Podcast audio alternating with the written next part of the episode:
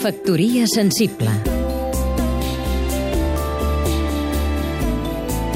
Francesc Canosa, periodista i escriptor Ja va dir Woody Allen que li interessava el futur, perquè és el lloc on passarà la resta de la seva vida. Té raó, el futur, el demà, lloc de visita obligada per a tots. Però, i mentre no arribi, eh, què fem? Llegir.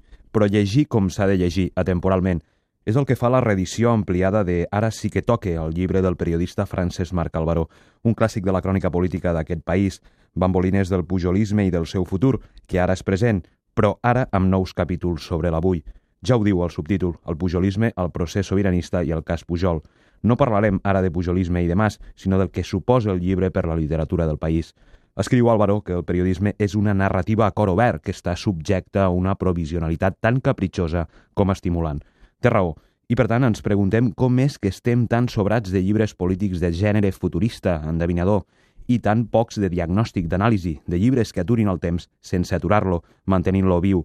No tenim llibres que expliquin la nostra política recent com el taxidermista que troba la lluentor en uns ulls congelats o la pell quieta que brille. Som més llebre caçada al vol, mixó accelerat.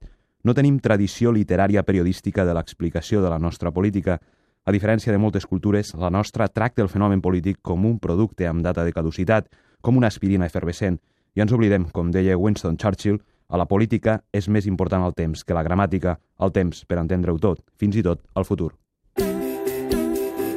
Factoria sensible.